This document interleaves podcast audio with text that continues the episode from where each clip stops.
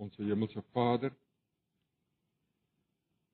ons bid nou dat U vir Lukas sal seën. Nie ter, nie ter wille van homself nie, maar alleen maar ter wille van U woord. En ons bid dat U ons wat na hom sal luister sal seën. Ook nie ter wille van onsself nie, maar alleen ter wille van U koninkryk. Ons bid dit in Jesus se naam. Amen. Goeiemôre almal. Ehm um, soos wat Myne vanoggend gesê het, is ek besonder opgewonde en dankbaar vir hierdie voorreg om vanoggend die Here nie alleen te kon bedien met lofprysing nie, maar ook vir julle vanmôre te kan bedien met sy woord en ons weet sy woord is magtig en skerp om ons harte oop te kloof en ons lewens te verander. Nou vir die wat besoekers is vanoggend, wil ek net julle baie baie welkom sê. En ek wil net met julle meedeel dat dit ons gewoonte is om die Bybel boek vir boek te bestudeer soos wat ons ook dit ontvang het. Uh, ons het hierdie jaar afgesluit met Efesiërs, ons is deur Genesis, ons is tans besig met Romeine. En maar van tyd tot tyd vat ons 'n hoofstuk of 'n vers en ons lig dit uit as ons uh fokus op 'n bepaalde onderwerp en wat God se woord het te sê daaroor het. Nou vanoggend is so geleentheid en ek voel gelei om vanoggend met julle die boodskap van Psalm 1 te deel. So as julle so lank sien toe kan blaai, kan ek sal ek baie bly wees. Nou Psalm 1 dek die tafel as te ware vir die res van die psalms. En dit is vir my so insiggewend dat dit begin met die woorde welgeluksalig is die man. So as jy wil weet hoe lyk 'n lewe wat welaf, gelukkig is, salig is of geseënd is vanuit God se perspektief, lees gerus Psalm 1 en die res van die psalms. Nou dit bring my by vandag se tema en dit is die pad van die gelukkige gelowige. Kom ons lees nou saam uit Psalm 1. Welgeluksalig is die man wat nie wandel in die raad van die goddelose en nie staan op die weg van sondaars en nie sit in die kring van spotters nie maar sy behaag is in die wet van die Here en hy oordink sy wet dag en nag en hy sal wees soos 'n boom wat geplant is by waterstrome wat sy vrugte gee op sy tyd en waarvan die blare nie verwelk nie en alles wat hy doen voer hy voorspoedig uit. So is die godlose mense nie maar so skaf wat die wind verstrooi. Daarom sal die godlose nie bestaan in die oordeel en die sondaars in die vergadering van die regverdiges nie want die Here ken die weg van die regverdiges maar die weg van die godlose sal vergaan Nou voordat ons in hierdie Psalm indelf, wil ek julle eers iets oor die Psalms vertel. Hoe moet jy 'n Psalm benader? Nou, die Psalms is Joodse digkuns wat gebore is uit werklike lewensomstandighede. So dit maak die Psalms relevant en dat ons daarmee kan identifiseer. Byvoorbeeld, Dawid het Psalm 51, die eerste liedjie wat ons vanoggend gesing het, geskryf toe sy sonde met Batsheba op die lappe gekom het. Psalm 2 het hy geskryf met Salomo se inhuldiging as koning en Psalm 18 het hy geskryf toe hy bevry is van sy vyande. So hierdie is werklike lewenssituasies en dit is nie beperk tot 'n klaskamer of 'n auditorium nie. Hierdie is situasies waarmee ons kan identifiseer.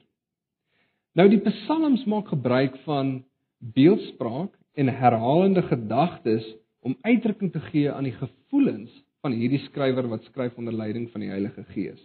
Byvoorbeeld, waar sou ek heen gaan van die Gees en waarheen vlug van u aangesig? Nou hierdie is twee soortgelyke stellings wat net 'n bietjie anders bewoord is.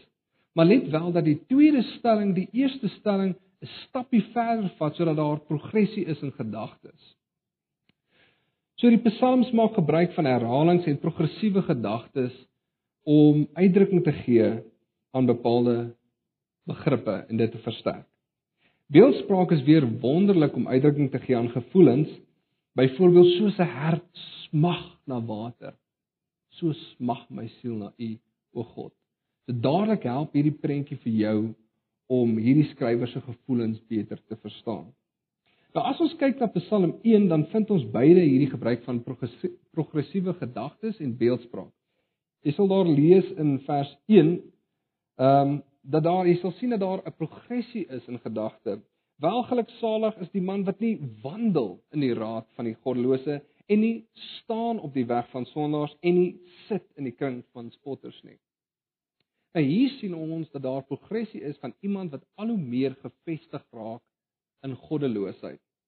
Vandat hy per geleentheid saamgegaan het met goddelose raad, dan homself op 'n goddelose pad bevind en dan gefestig raak in hierdie goddeloosheid. Dit is soos 'n skip wat se ankers gelig is wat so stelselmatig die diepsee indryf tot daar nie meer land in sig is nie. En natuurlik word beeldspraak gebruik om die standvastigheid van die gelowige te vergelyk met 'n boom wat geplant is by waterstrome. En dan word dit gekontrasteer met die wisselvalligheid van die goddelose wat so skaf is vir die wind wegwaai. Nou met al hierdie dinge in gedagte wil ek vandag aan die hand van hierdie Psalm twee belangrike vrae beantwoord. Eerstens, lyk 'n Christen se lewe anders as ander mense se? En tweedens, is 'n Christen werklik gelukkiger as ander mense? Nou stel jouself voor, 'n buiteruimse reisiger hou die mense dop op planeet Aarde. Vir die jong mense 'n alien. Dink jy hy sal 'n onderskeid kan tref tussen Christene en nie-Christene nie? Dink jy Christene se lewens lyk anders as ander mense? Is hulle werklik gelukkiger as ander mense of is 'n Christen maar net iemand wat ewige lewensversekering het? Stel jouself voor hierdie alien gaan na 'n plek soos Melon toe en hy sien daar iemand met 'n netjiese pak klere wat mense toespreek hoe om meer geld te maak. En dan sien hy mense wat uit Look and Listen en Toys R Us en ehm um, checkers uitstap met sakke vol goed en hulle karre laai en op pad is na die volgende opwindende afspraak vir die dag. Dan sien hy 'n klomp mense daar by cappuccino sit wat lekker sit en lag terwyl hulle wys na verbygangers. En dan sien hy 'n ou buitemelin wat gesels met 'n boemelaar langs die pad met 'n Bybel in sy hand en hy vertel hom van hierdie wonderlike boodskap van hierdie Bybel. Nou op die oog af moet ons erken dat daar nie regtig lyk asof daar 'n vreeslike verskil is tussen hierdie mense nie. Op die oog af lyk die eerste 3 groepe eintlik baie meer indrukwekkend as die laaste groep, die man en die boemelaar wat gesels langs die pad.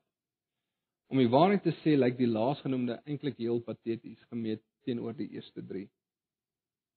Nou stel jouself voor, hierdie buiteruimse reisiger hou hierdie mense dop oor 'n tydperk van 20 jaar. Wat dink jy sal sy waarneming dan wees?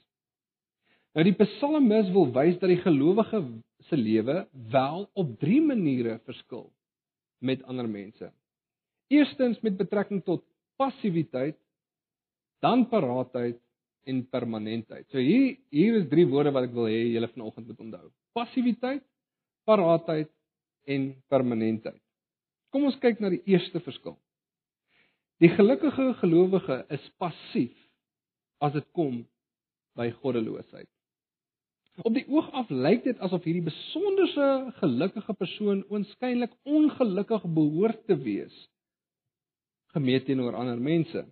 Hy wandel nie in die raad van die goddelose nie. Let wel dat die goddelose raad het wat hy kan gee. Dis iemand wat van mening is dat hy oplossings het wat sal strek tot jou voordeel en wat jou werklik gelukkig kan maak. Maar let wel ook dat hierdie raad nie vir God in berekening bring nie. Dis goddeloos, dis sonder God. Tweedens, die gelukkige persoon staan ook nie op die weg van sondaars nie. Aan die ander kant lyk dit asof dit die sondaars is wat iewers heen op pad is. Mense wat onverskillig is met betrekking tot God se standaarde, sy vereistes en sy opdragte. 'n Persoon wat al dinge bereik het in die lewe. Hoe hy daar gekom het, is 'n ander vraag. Maar hierdie persoon is iewers heen op pad. Maar die pad mis die doel van God, se oorspronklike doelwitte vir die mens. Nou die apostel Johannes het gesê dat sonde wetteloosheid is. Nou ons gaan net nou sien dat God se wette nie net maar die 10 gebooie behels nie. Dit gaan oor veel meer. Dit gaan oor die openbaring van wie God is en wat hy wil hê en spesifiek van ons. Nou 'n sondaar is nie net iemand wat oor die lyn getrap het nie. Hy is iemand wat hom nie stuur aan God en sy vereistes nie. En sy gesindheid is 'n gesindheid van ongehoorsaamheid en apatie ten opsigte van God en sy gebooie. Dan sien ons dat hierdie gelukkige persoon ook nie in die kring van die spotters sit nie. Hy is nie deel van die ingroep nie. Hy is nie deel van die mynmanne soos wat Louis Malherbe dit sou stel nie. 'n Ou wat spot met ander mense meen dat hy beter is as ander mense, dat hy in 'n beter posisie is as ander mense. Nou spotters dink hulle beskik oor geweldige wysheid en dat mense wat nie soos hulle dink nie, maar agter die tyd of nat agter die agter die ore of net 'n klomp gekke is. Hierdie ouens is mense wat gearriveer het. Hulle is bo veroordeling, maar self veroordeel hulle ander mense. Nou volgens alle wêreldse standaarde behoort hierdie welgeluksalige persoon uiters ongelukkig te wees. Hy lyk soos 'n nat kombers, 'n party pooper of 'n thou shalt notter as jy wil. Nou kom ons kyk na die tweede verskil tussen 'n gelowige en 'n ongelowige. Die gelukkige gelowige is paraat as dit kom by goddelike oordeenking. Nie alleen word hierdie persoon gekenmerk in dit wat hy nie doen nie, maar in dit wat hy wel doen. Weereens lyk dit op die oog af vreeslik onindrukwekkend. In vers 2 sien ons hy hou daarvan om dag en nag aan die Here se wette loop en dink. Nou mag jy dalk hier sit en dink, moet ek nou die hele dag aan die 10 gebooie loop en dink om werklik gelukkig te wees? Is dit wat die skrywer hier bedoel? Maar dis nie wat hiervan gepraat word nie. Die wet van die Here soos ek gesê het, strek veel verder as net die 10 gebooie. Dit behels God se hele wil uitgedruk in al sy opdragte. God se wet gaan die openbaring van wie God is en wat hy wil. As ek 'n wet in my huis maak, jy sal jou ma met respek hanteer. Dan sê daardie wet iets van my karakter. 'n Kortom is hierdie gelukkige gelowige behep met die openbaring van wie God is en wat hy wil. En hierdie oordeenking van hom is nie net nog ietsie wat hy op sy to-do lysie aftik nie. Hy is soos iemand wie se verjaarsdag om die draai is, hy weet hy gaan 'n groot geskenk kry en hy kan nie wag om daardie geskenk oop te maak nie. Nou hierdie psalmis het homself in die middel van God se openbaringsgeskiedenis bevind. Maar met die koms van Jesus is God se openbaringsgeskiedenis volbring. Dus het die gelowiges vandag veel meer om oor te dink. Hy wat self God is, het onder ons kom bly sodat ons hom kan sien en hom kan ken. En deur hom sy lewe, sy kruisdood, sy opstanding en sy verheerliking te bestudeer, kan jy presies sien wie God is en wat hy wil hê. God is persoonlik. Hy het onder ons kom bly met ons kom identifiseer. God is heilig. Hy het nog nooit gesondig nie. God is goed. Hy genees die siekes en hy vertroos die wat hartseer is. God is regverdig. Hy laat geen sonde ongestraf bly nie, selfs al kos dit die lewe van sy eie seun. God is genadig. Hy kom vat die straf wat vir jou en vir my bedoel is en hy spreek ons vry nie op grond van verdienste nie, maar op grond van dit wat hy gedoen het in Jesus Christus. God is almagtig. Hy oorwin die dood.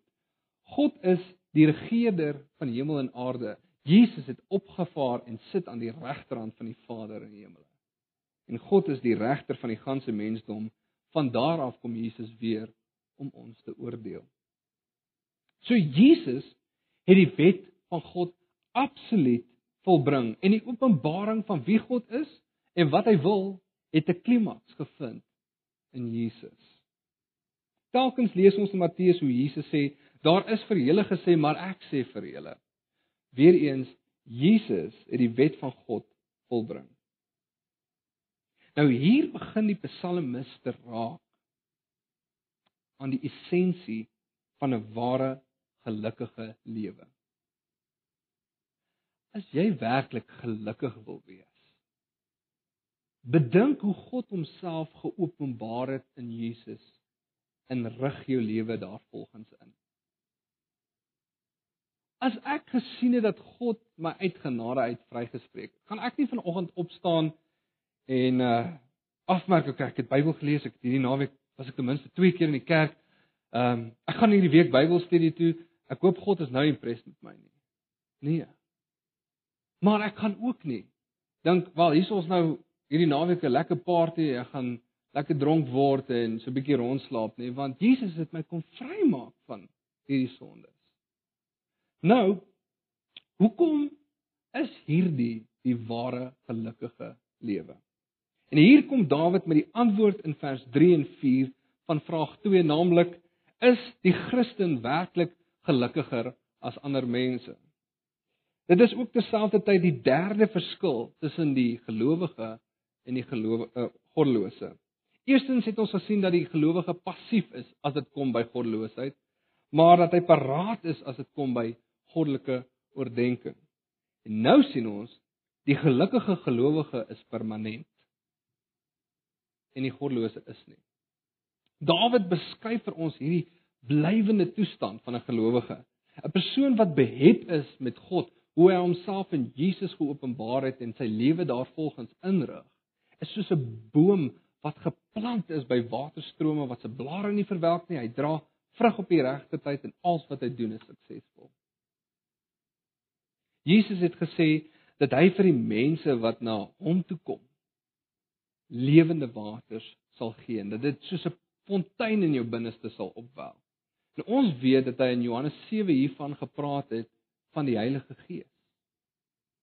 Nou hierdie is dieselfde Gees wat God in ons ingeblaas het by die skepping toe hy ons lewende wesens gemaak het. En ons het ontbreek aan hierdie Gees deur die sonde wat um, in die wêreld ingekom het, deurdat ons self ook gesondig het. Maar God gee vandag hierdie Gees aan elke persoon wat sy vertroue in Jesus plaas. En hierdie lewe wat hy vir jou gee, behels dat jy in 'n regte verhouding met God sal staan, 'n regte verhouding met jou naaste en 'n regte verhouding met met die natuur om jou.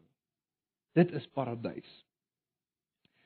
Nou mag jy miskien dink dat ek 'n tipe van 'n welvaartsteologie preek. So asof al jou probleme nou van die verlede is as jy na Jesus toe kom.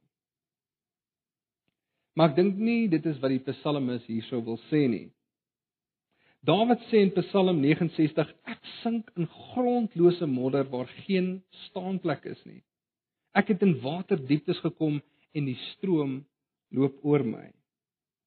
Nou hier is iemand wat al geweldige probleme gehad het. Hier is iemand wat bekend is met uiters moeilike tye.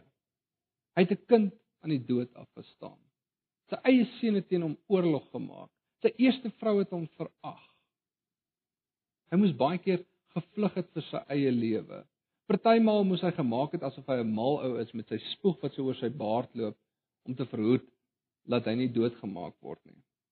Maar die verskil is dit dat Dawid altyd toegang gehad het tot God wat die bron is van hierdie lewende waters. En hy kon deur die winterseisoene van sy lewe gegaan het sonder om te beswyk. En op die regte tyd in sy lewe kon jy die vrug van wat God gedoen het in sy lewe vind. En selfs sy volksgenote kon daardie vrugte pluk en dit geniet. En tot vandag toe nog sien die Jode uit na 'n koning wat oor hulle sal heers, soos Dawid.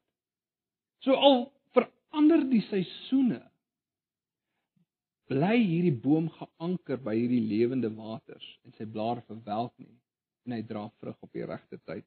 En so is dit met elke gelowige. 'n Christen het 24/7 toegang tot hemelse hulpbronne.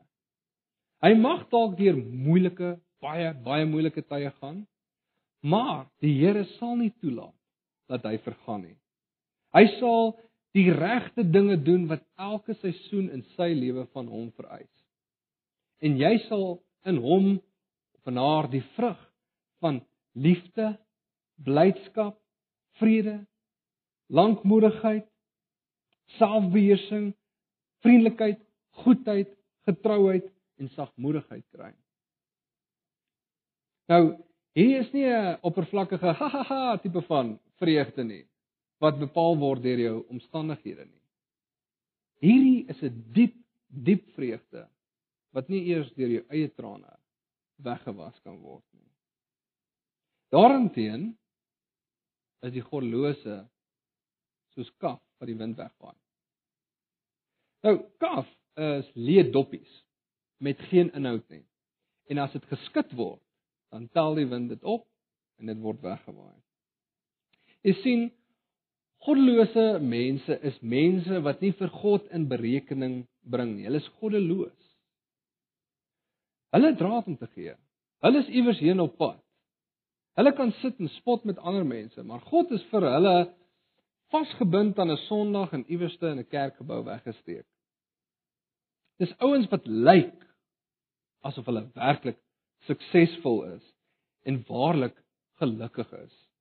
Maar agter daardie doppie is dit leeg. Gaan krap maar 'n bietjie agter baie filmsterre en popsterre se lewe rond. Agter daai doppie van roem en sukses en welvaart is daar baie maal stikkende verhoudings, immoraliteit en so voort. Nou die groot verskil tussen die Christen en die goddelose is hulle toekoms. God het 'n cap limit op boosheid geplaas. Daar kom 'n dag van afrekening en die goddelose se probleem is dat hy nie vir God in berekening bring nie. Op die ou einde van die dag is hierdie buiterymse reisiger wat mense dophou nie iemand anderste as God self nie. En hy sal die geluk van elke persoon bepaal. Nou Dawid kyk hier in die toekoms in en hy sien die uiteinde van die gelowige en die goddelose en hy maak 'n geweldige stelling in vers 6. Hy sê want die Here ken die weg van die regverdiges, maar die weg van die goddelose sal vergaan. Baie mense sê hulle ken vir God. Maar die vraag is of God vir jou ken. Jy kan jou met jou pelle, met jou kollegas, met jou vriende, jou familie, met jou vrou misgis. Maar moet asseblief jouself nie met God misgis nie. Moenie eendag voor hom kom staan en sê Here, Here, het ek nie dit of dat of dat gedoen nie? En hy sê: "Kom maar, kom maar weg, ek ken jou nie." Ek dink daardie is verskriklike woorde wat niemand wil hoor nie. Nou die Here ken sy skape aan die pad wat hulle oploop. Jesus het gesê: "Gaan in deur die nou poort, want breed is die poort en wyd is die pad wat na die verderf lei. En daar is baie wat daardeur ingaan. Want die poort is nou en die pad is smal wat lei na die lewe en daar is min wat dit vind. Nie alle paaie lei na Rome nie. Daar is net een weg na God toe en dit is Christus. Jesus het gesê ek is die weg, die waarheid en die lewe en niemand kom na God toe behalwe deur my nie. So kom ons kyk weer na die twee vrae wat ons gevra het. Eerstens lyk 'n Christen se lewe anders as ander mense se? En die antwoord is ja. 'n Christen is passief as dit kom by goddeloosheid. Maar hy is paraat as dit kom by goddelike goddelike oordeenking. Die nie-Christen aan die ander kant bring nie vir God in berekening in sy doen en late nie. Tweedens, is 'n Christen werklik gelukkiger as ander mense? Nou wel, ons moet erken dat op die oog af dit baie keer nie so lyk nie. Omdat 'n Christen se vreugde nie iets is wat oppervlakkig is nie, iets wat op die oppervlakte sit nie. Maar 'n Christen se vreugde is diep gewortel in God, wat die oorsprong is van die lewe en hy of sy is net so permanent soos die God wat hulle aanbid. Ek sluit af. Eerstens, ken jy vir God hoe hy homself geopenbaar het in Jesus en rig jy jou lewe daarvolgens in? Dan wil ek vanoggend vir jou sê jy leef vir God se grootste eer en jou grootste geluk. John Piper het gesê the chief end of man is to glorify God by enjoying him forever. Tweedens ken God vir jou. Hoe weet jy jy kan die oordeelsdag met versekering toenader? Wel as jou wortels in die stroom van die lewe inskiet. In hierdie lewende waters sal jou lewe die vrug van God voortbring.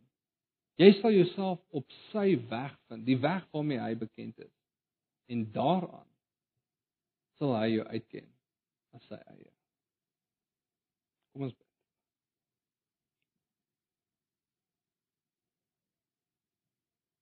Hemelse Vader, Here ons dankie dat U vir ons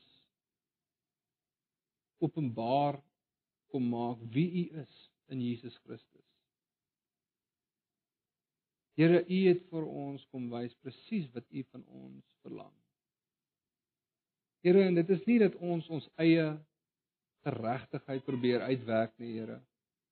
Here, die pad wat U vir ons kom uitwys is 'n pad van vertroue in die Seun Jesus Christus, 'n pad van staatmaking op u Heilige Gees wat soos lewende waters is in ons siele wat hierdie vrug van u voortbring, Here.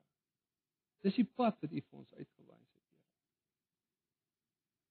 Here, u het vir ons ook baie duidelik kom maak dat dit die enigste pad is wat by u uitkom en dat die mense op hierdie pad permanent is, Here.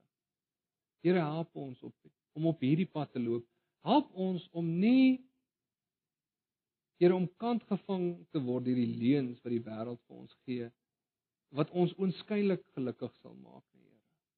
Maar laat ons sal besef dat ons ware geluk in U lê, Here, om U te dien en U te gehoorsaam en te vertrou op U seun Jesus Christus en staat te maak op die krag van U Heilige Gees. Here, ons vra dat hierdie boodskap wat U vanoggend vir ons gebring het in elkeen van ons harte sal insink in Jesus se wonderlike naam. Amen. Ons gaan nou 'n laaste liedjie sing en uh dan gaan ek net vir ons afsluit.